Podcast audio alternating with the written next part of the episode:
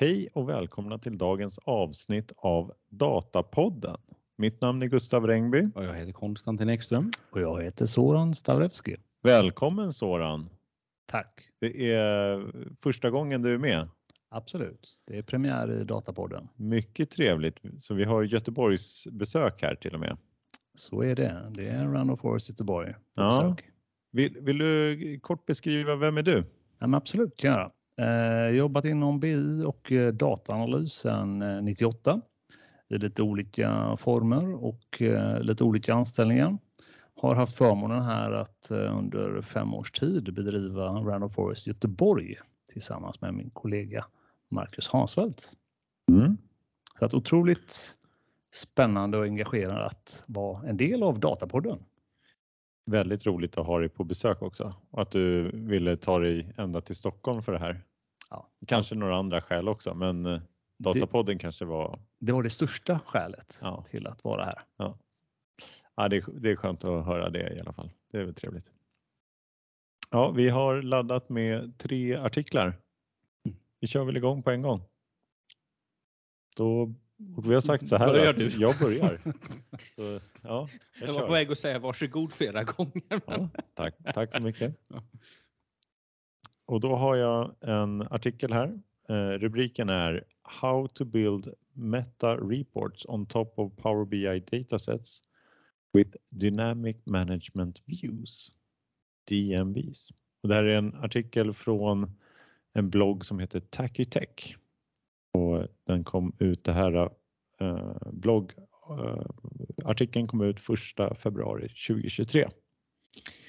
Och då är det så här att i Power BI kan man komma åt något som heter DMV. Inte att eh, blanda ihop med att vi pratade om DMV tror jag förra avsnittet eller om det var förrförra.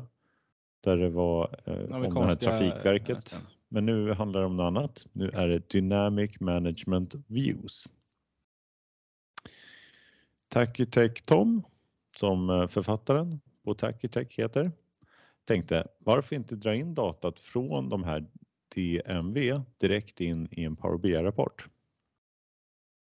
Och det är så här att det här är alltså ett par väldigt användbara, det är en massa användbara data i de här vyerna då, eh, kring hur de här Power BI-datasättet används. Eh, Så bland annat kan man hitta rapportkonsumtion, queries, sessioner och även eh, information rörande den semantiska modellen då i Power BI i de här vyerna av data då. Eh, som kallas då Dynamic Management Views då i Power BI. Eh, ett intressant användningsfall som finns beskrivet i Power BI Community är att man kan hämta uppdateringstiderna per tabell, partitioner direkt från dessa vyer då. Hur går det till rent praktiskt? Frågar man sig. Och det gör Tachytech Tom också. Eh, först och främst är det ett par då förutsättningar man måste ha på plats. Man måste ha en premiumkapacitet i Power BI, alltså köpa den här dyra eh, nivån, 50 000 i månaden. Eller premium per user, en lite billigare, 200 kronor per användare per månad då. För att få tillgång till dessa vyer då.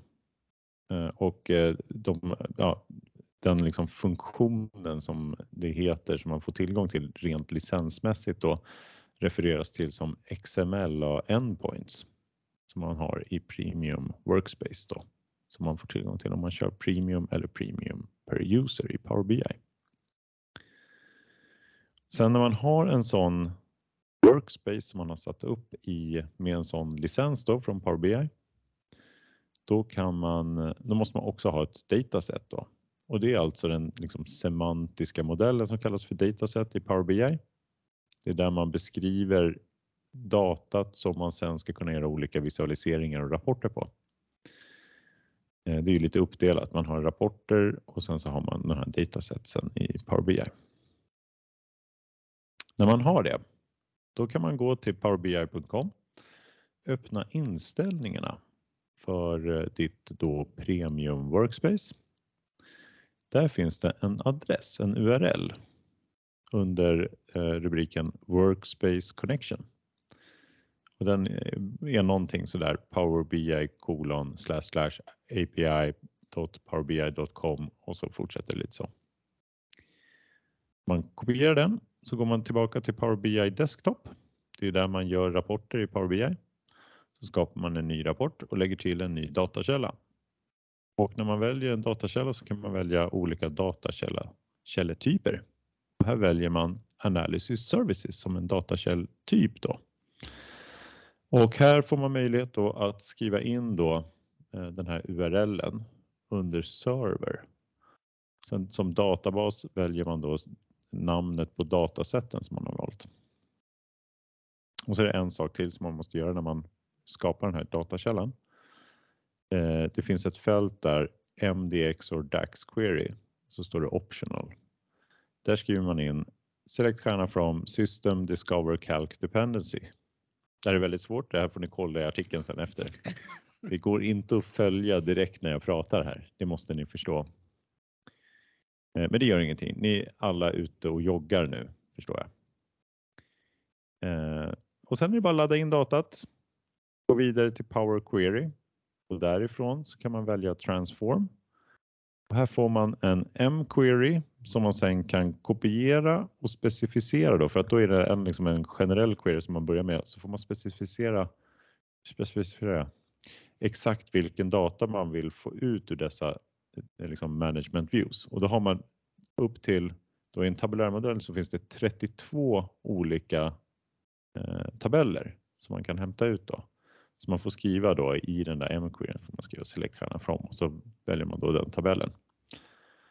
Så har man eh, ganska mycket attribut i varje av de här också. Så det finns jättemycket data här och så man kan titta runt och titta vad man kan få ut. Då.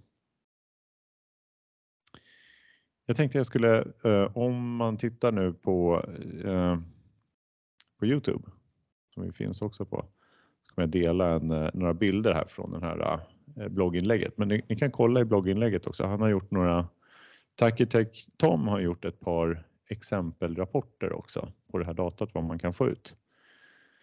Eh, som är, eh, visar vilken typ av data. Så här har man, han visar att man kan se hur många hierarkier, hur många mätetal. Det är 196 kolumner i hans fulla då Power BI dataset och han, man kan se hur många queries som det är på en viss tidsenhet och även till och med specifika queries som körs mot den här dataseten. Får han upp latest queries. Så kan han bygga, liksom, har byggt en rapport där man kan se de här. Hur mycket CPU time också får han ut. Och hur många sessions är. Så det är ju superspännande och bra information. Vad har man mer här då? Ja, går in liksom här på olika då, man kan kolla på kolumnerna i detalj här tror jag också. Mätetalen, partitioner listar han och liksom visar vilken typ av, eh, när de är refreshade eh, och så vidare. När senast fick de data i sig på en partition. Och eh, även liksom en slags hierarki på lineage här på olika liksom kolumner i den här Power BI-rapporten. Eh, har, de också, har han också gjort en liten exempelrapport på. Det är ganska bra behändig data men eh, ja, och man kan se liksom exempel då där på hur, exempel på data som man kan få ut på ett bra sätt. Eh, ja, det var egentligen artikeln. Det går inte. Eh, det är helt klart så att man får eh, låter det här intressant får man ju gå och titta själv i den där artikeln. Men eh, vad får vi säga, det här är, jag vet att det här dök upp eh, flera som pratade om det på våran diskussionsforum här eh, lokalt då i Random Forest. Att det här, jag tror att det här är en uh, intressant datakälla, den här DNV, är någonting som flera konsulter brukar använda på lite olika sätt då, i olika, hos olika uh, ja, settings. Då och miljöer och kunder. Men eh, vad, vad, säger ni? Vad, vad, vad, kan man behöva de här rapporterna till? Varför är de bra? Jag satt just och funderade på, okej, okay, det här var massa information. Ja. Det, det var så här typiskt typexempel de visade upp liksom en dålig KPI-rapport. Just de här exemplen är bara fullt med KPI över hela skärmen. Och så, vad ska jag titta på? Ja, men det är så. Det är lite exempel liksom. Då jo, får man det, allt. det, blir, det blir ju så. Men det finns ju sina, sina delar. Så här, vilka, vilka tabeller finns det? Vilka kolumner finns det? Vad Mm. heter de? Ehm, Det var nog framförallt det som jag såg kanske var mest användbara Mm. rakt av. Ja, viss, viss lineage kan ju vara väldigt nyttigt om man har liksom väldigt mycket beroenden in emellan. Framförallt om man Mm. kommer in och inte har någon förkunskap riktigt om, om det hela utan då kan man faktiskt ha lite teknisk hjälp att söka var, var kommer det här ifrån Mm. utan att behöva liksom titta in i koden och, och, och söka och sådär. Mm. Ja, Jag tänker på att eh, man kan få en kartbild över liksom hur ofta det här datasetet används också för att eh, titta lite på slutkonsumenten. Att hur, hur ofta accessas det här i en rapport och på vilket sätt kan man titta på mönster framåt i tiden Mm. så att säga. Eh, och sen givetvis som ni varit inne på tidigare att det kan ju ge en indikation på data lineage och eh, eventuella beroenden på dataflöden. Så att eh, absolut spännande. Ja, ja men absolut. det är ju viktigt att ha koll på om man nu ska göra en förändring i den där rapporten och vill göra den snabbare eller liksom mer optimal på något sätt. Då är det jättebra att ha den där informationen om vad som faktiskt används i den. Även liksom vad ska vi koncentrera oss på i vidareutvecklingen också. Kan väl vara intressant och, och se liksom, då kan man ju se i detaljerna vilken information som är mest eh, het här på. Mm. Titta på. Men målgruppen får man ändå säga är utvecklare. Alltså slutanvändarna, har de någon nytta av detta på något sätt? Nej, jag tror det är mer utvecklare. Det är ju att hålla koll på sin eh, datalösning. Mm. Men det är väl, det är ju viktigt. Man, eh, det är ju det vi gör oftast. Vi skapar ju liksom att man ska hålla koll på en massa andra processer. Mm. Man måste väl Hålla följa koll. sin egen eh, Best practice där. best ja. practice där. Att det, det finns nytta att det, sitt. det konceptet heter skomakarens barn eller vad är det? Precis. Ja. Så ja, det räcker att har man gjort det andra datadrivna så behöver man inte själv vara datadriven för det. Men eh, som sagt, det här var premiumkapacitet som hade den här funktionen. Ja, precis, för då får man den här möjligheten att, komma åt de här XML och endpoint som det kallas. Då. Just. Det här är ju lite extra roligt att eh, det här är ju Tacky Tech Tom är ju en av våra konsulter som jobbar på Random Forest också. Det är ju eh, Tom Offler.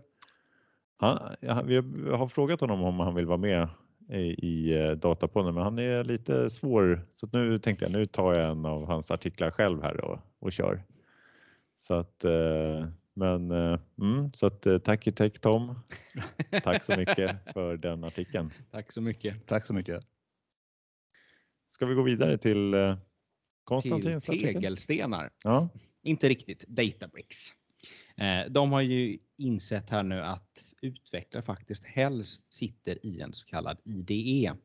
Alltså Integrated Development Environment. Alltså typ Management Studio, Data Grip eller Visual Studio Code som är bland de mest vanliga. Så att, och då släppte då eh, Databricks en artikel på sin blogg här rätt nyligen. Eh, där de säger att det, det har funnits viss frustration bland utvecklare eh, då att behöva skifta mellan olika applikationer. Eh, Eftersom man kör sina workloads i Databricks Lakehouse men hellre kör sin, när man utvecklar sin kod så vill man hellre sitta lokalt.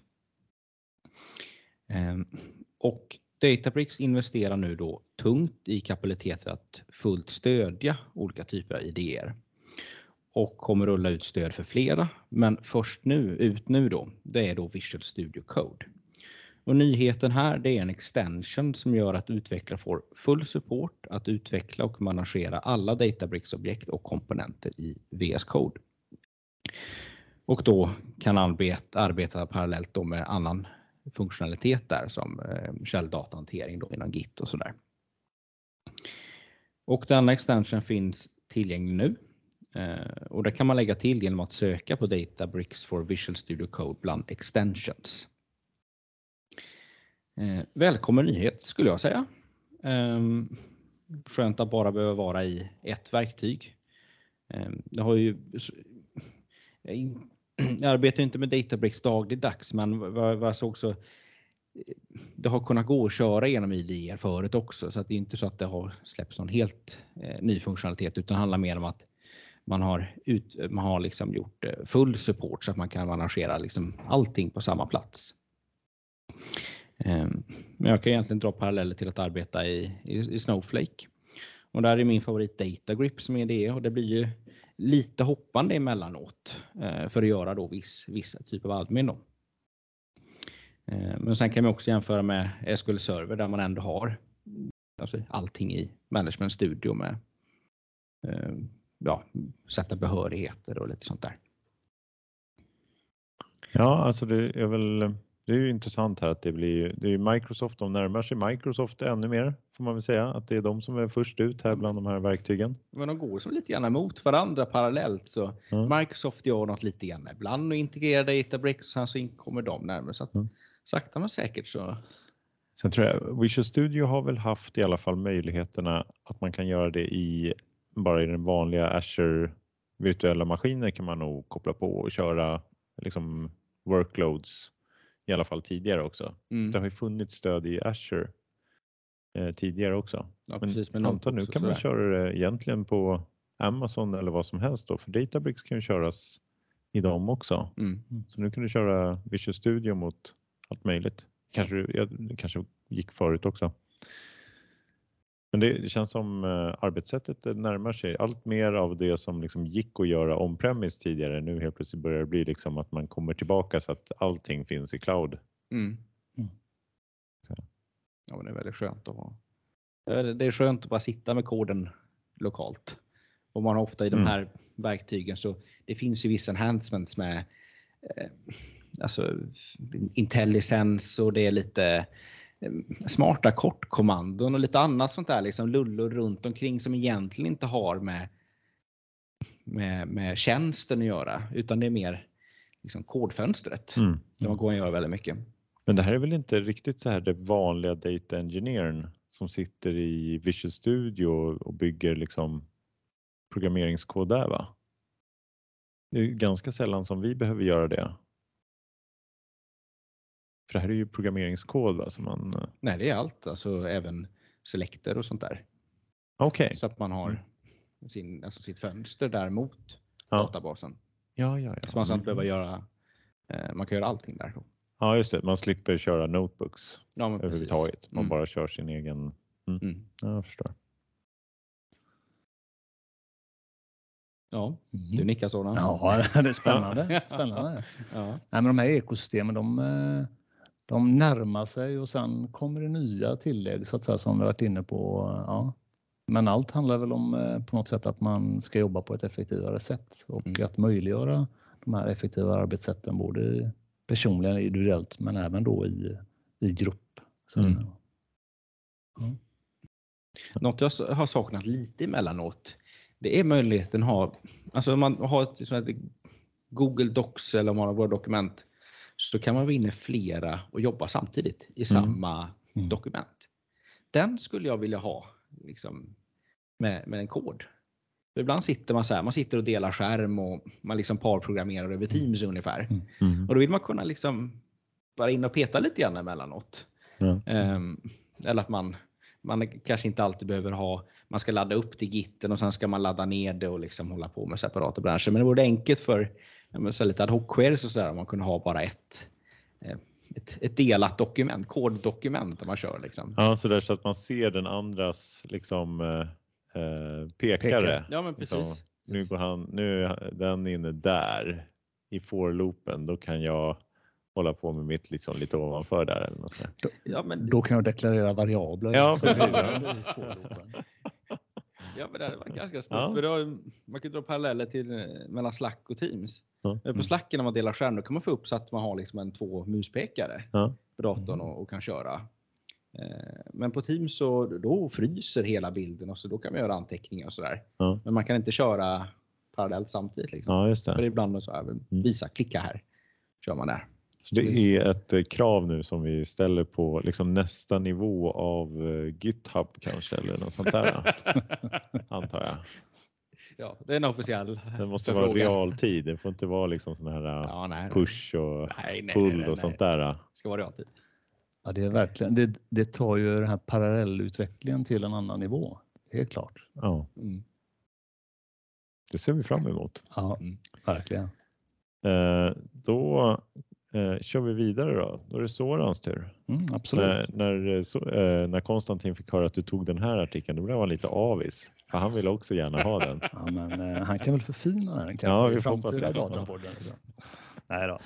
Jag har valt en eh, artikel som är publicerad av Harvard Business Review eh, och titeln är Eight strategies for chief data officers to create and demonstrate value. Eh, är skriven av Thomas Davenport tillsammans med Richard Yu Wang och Priyanka Tiwari. Och eh, innehållet i den här artikeln är ju att eh, roll, rollen CDO har ju funnits sedan 2000-talet och i den här enkäten så har man också sett att stora bolag har den här rollen tillsatt till 83 procent. Men utmaningen som har varit är egentligen att rollen i sig har varit dåligt förankrad och kanske intern marknadsföring över vilket värde skapar just rollen i en organisation. Och eh, det här har ju varit en enkät där man har gått ut till stora bolag där de också har besvarat då lite vilka frågeställningar, hur ser det ut idag och även hur kan man jobba mer värdebaserat utifrån den här rollen.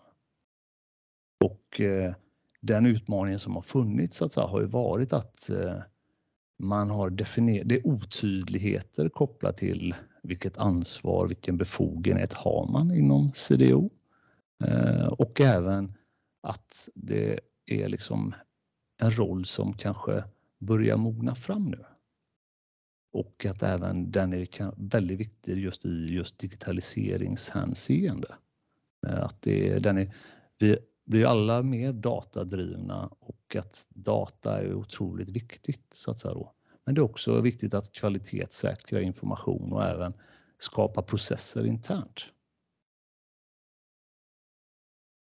Och om man fördjupar sig i artikeln så är det ju så att man eh, tittar lite på vilka arbetssätt och vilka värden är det man vill eh, liksom kunna ta fram och marknadsföra. För det är många initiativ som pågår i en stor och- och medelstor organisation som har anknytning till data och affärsanalys. Så att man exemplifierar här att eh, ett eh, är ju att ta ansvar och vara mer delaktig i just analys och AI. Eh, och att det här är lite så här lågt hängande frukt, att man ska vara en person eh, som tar då ansvar och även då berättar internt i organisationen över varför vi gör detta, eh, vad är anledningen och sen också vilka effekter är det man vill åt. Och även då att man inom den här ramen att man väljer ut ett fåtal projekt istället för att tänka stort. Tänk litet, exekvera på det och sen liksom ta det vidare. Punkt två är att fokusera på prioriterade och eh, färre nyckelprojekt och även då att utveckla relationer till stakeholders. Eh, och där är det ju då eh, också en röd tråd i det hela att man vill komma närmare den interna organisationen och även olika typer av stakeholders som kan dra nytta av de här olika projekten och initiativen som man startar. Och det kan ju vara allt från AI-modeller som man liksom bygger, men att man bygger dem hela vägen så att säga. Att från proof of concept så vill man industrialisera dem och även då att man följer upp de här effektmålen. Punkt två så nämner de någonting som faktiskt var nytt för mig. Eh, och det var att man skulle fokusera på dataprodukter, data products. Eh, och vad är då definitionen på data products? Det är ju då att eh, kombinera data och analys men baserat på perspektiv att vad, vilket kundvärde och anställningsvärde genererar det här tillsammans och även tillsammans med, eh, det är cross-functional, så det är tillsammans med andra team så att säga, där man jobbar internt i organisationen. Och även att man jobbar då på detta sättet för att uppnå en större mognadsgrad men också att man följer upp de här olika delarna. Har ni hört begreppet data products? Ja, absolut, Nej, men det är ju, den är ju vanlig i en grund i Datamesh till exempel, den liksom, organisationen, mm. Eh, så är ju det också kring dataprodukter. Mm. Men eh, jag tycker det är roligt också att han tar upp det här som att eh, fokusera på dataprodukter, men de säger inte att det måste vara Datamesh här utan ja, det... ta upp det utan mer bara det handlar om eh, att se då data, ha liksom organisera sig som en vanlig mjukvaruutveckling ja. i stort sett. Precis. Och ha ett mellansteg mellan rapport och, och liksom, ja, källsystemet. Så att man liksom modulariserar, modulariserar ett steg däremellan. Som kan, så att ja, en datakälla eller liksom en typ av datatillämpning mm. Eh, görs tillgänglig på produktifieras så den liksom kan användas av flera också. Det är väl lite poängen här antar jag. Eh, och återanvända liksom, så att det inte bara blir ett use case som man, liksom, eh, som man utgår ifrån. Nej, precis. Mm. Och, punkt fyra, det är ju då att eh, det klassiska att mäta kontinuerligt och även dokumentera resultat utifrån de initiativ man startar och har prioriterat. Och där är man ju också inne på den här övervakningen som vi var tidigare pratade om och eh, det här är ju ett annat sammanhang utifrån liksom vilket eh, Eh, kundvärde och vilken affärsnytta är det man skapar i alla de här olika initiativen som finns och även då att man kanske till och med prioriterar ett fåtal så att säga då, som man eh, kör hela vägen. Och fem, det är ju då att eh, utveckla ja, interna relationer med ledning och andra delar i organisationen som kan både dra nytta detta men också då givetvis att finansiera den här typen av initiativ och investeringar som krävs. Men att man också lyfter på det då i sin CDO-roll och att man jobbar med olika intressenter så att säga. Och det, det låter ju otroligt bra och även liksom men att implementera det hela vägen, det, det, det är nog ingenting som sker över en dag och en natt. Mm. Och sen om man går vidare här lite i eh, punkt 6. Och det här är ju lite intresserad, intressant utifrån att de här punkt 6 till 8 eh, är ju mer framtagna utifrån att man har en hög mognadsgrad, det vill säga man har jobbat med det här och är ganska avancerad eh, som organisation som man tittar lite på detta. De fem första var väl lite så att det är så man börjar och det är viktiga komponenter och eh, sex till och med åtta är hur man liksom tittar på detta när man har jobbat med det i x antal år. Och på punkt 6 så är det ju mycket att fokusera på data governance men också vilket fokusområde kopplat till process och organisation, men även leverans så att säga då. Och även att man jobbar under en längre tid med vad är viktigt för oss internt, vad är viktigt för våra kunder och vad är viktigt för våra leverantörer så att man får hela den här värdekedjan så att säga då utifrån ett produkt och tjänsteutbud. Då. Och nummer sju så är det så att man vill ju, man vill ju på något sätt utveckla en datadriven kultur och även då kunna navigera sig på ett enklare sätt men även att man på något sätt eh, kan kvantifiera den här datakulturen så att säga då, som man eh, utvecklar. Och det är alltid intressant det här med kultur och hur man kan mäta och liksom titta på det då.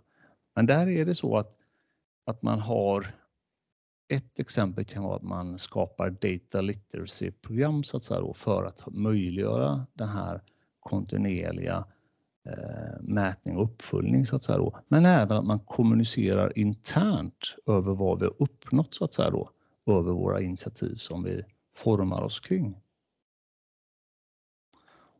Och sen eh, punkt åtta då, det har ju nästan du varit inne på tidigare här Gustav, att man ska man vill ju ha en arkitektur utifrån ett infrastrukturellt perspektiv eh, som man kan återanvända så att säga. Så att man kan snabbare röra sig och återanvända tjänster, eh, Eh, kod men även då infrastrukturellt så att säga då, så att man på ett snabbare sätt kan få upp nya initiativ eh, i organisationen. Så att man blir mer snabbfotad och även jobba mer med innovation så att säga då över vad som kan vara intressant utifrån ett längre perspektiv. Men inte tappa det här med affärsnytta. Och att man även påvisar det internt då.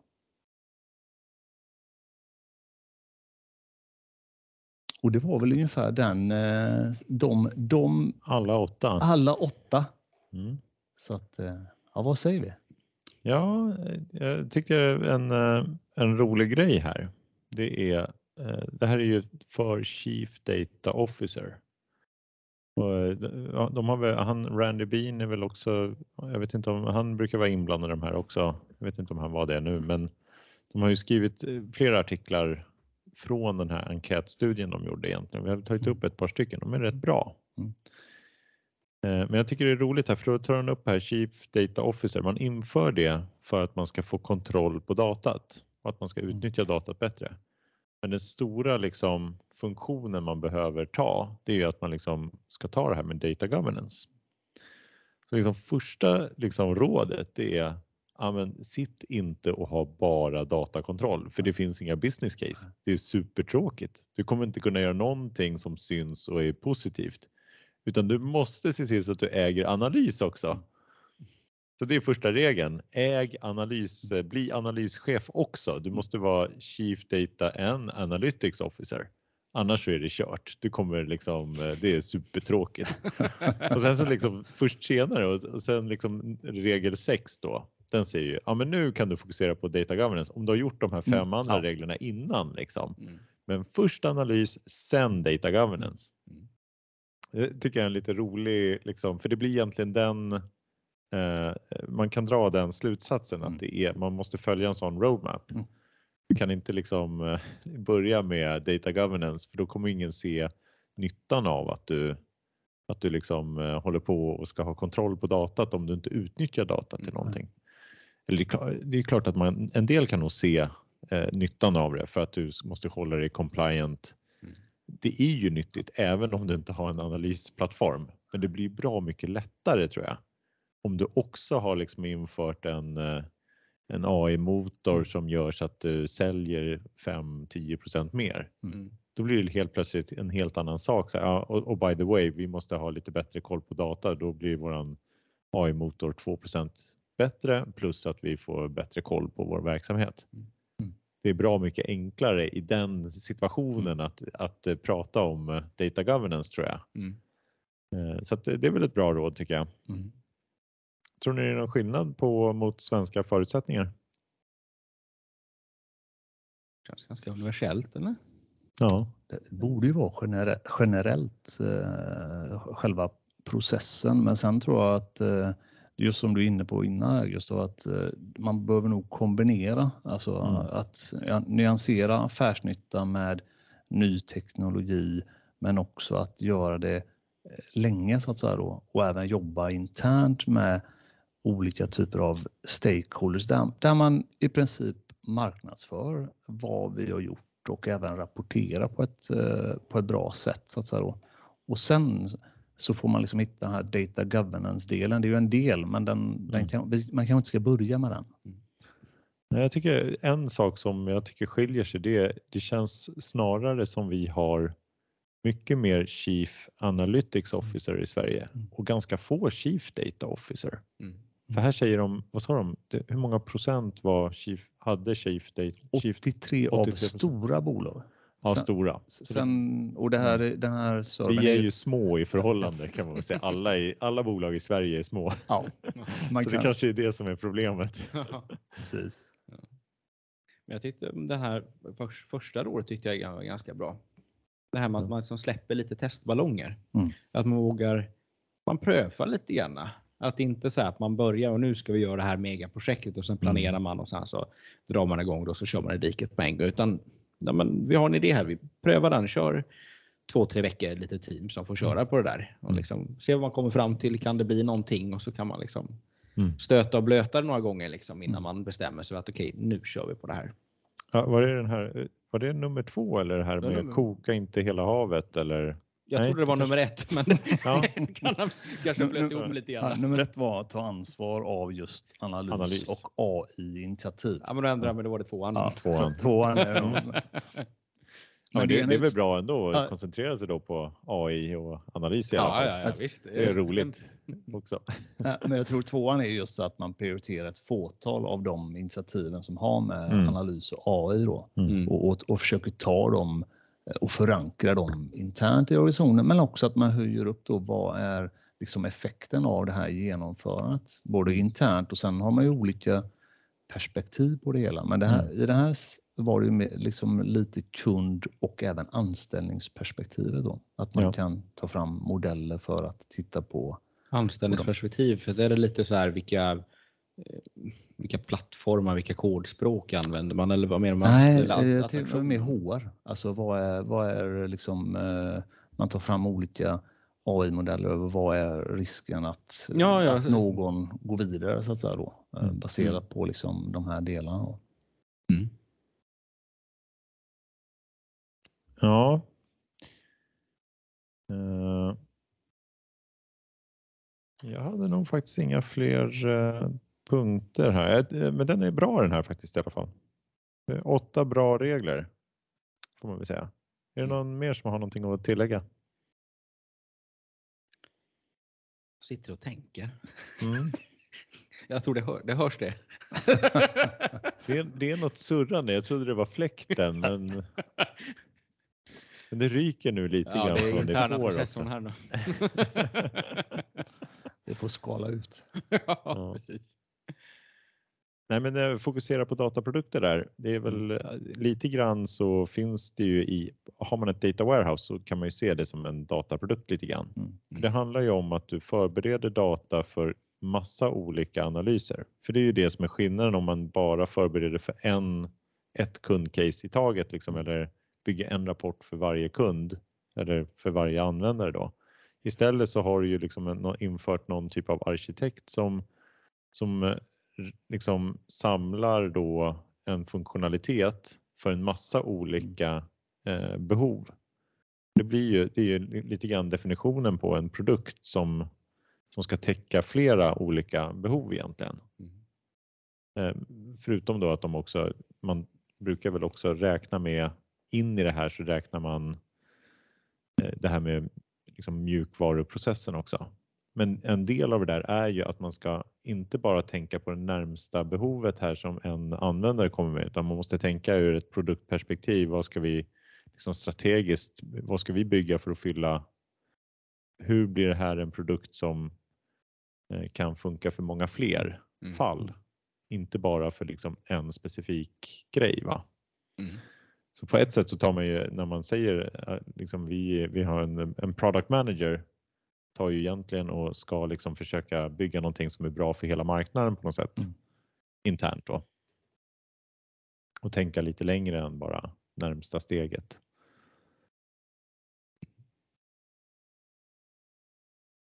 Mm. Mm. Ja, nej men eh, bra råd. Vi avslutar väl där med dessa goda tankar. Tack för att du var med Soran. Mm. Tack för att jag fick vara med. Mycket trevligt att ha dig här på besök. Absolut, på återhörande. Och tack alla ni lyssnare som har lyssnat på oss den här veckan också. Så vi ses nästa vecka. Hej då! Hej då. Hej då! Vakna klockan fem, det är mörkt nu igen Som om idag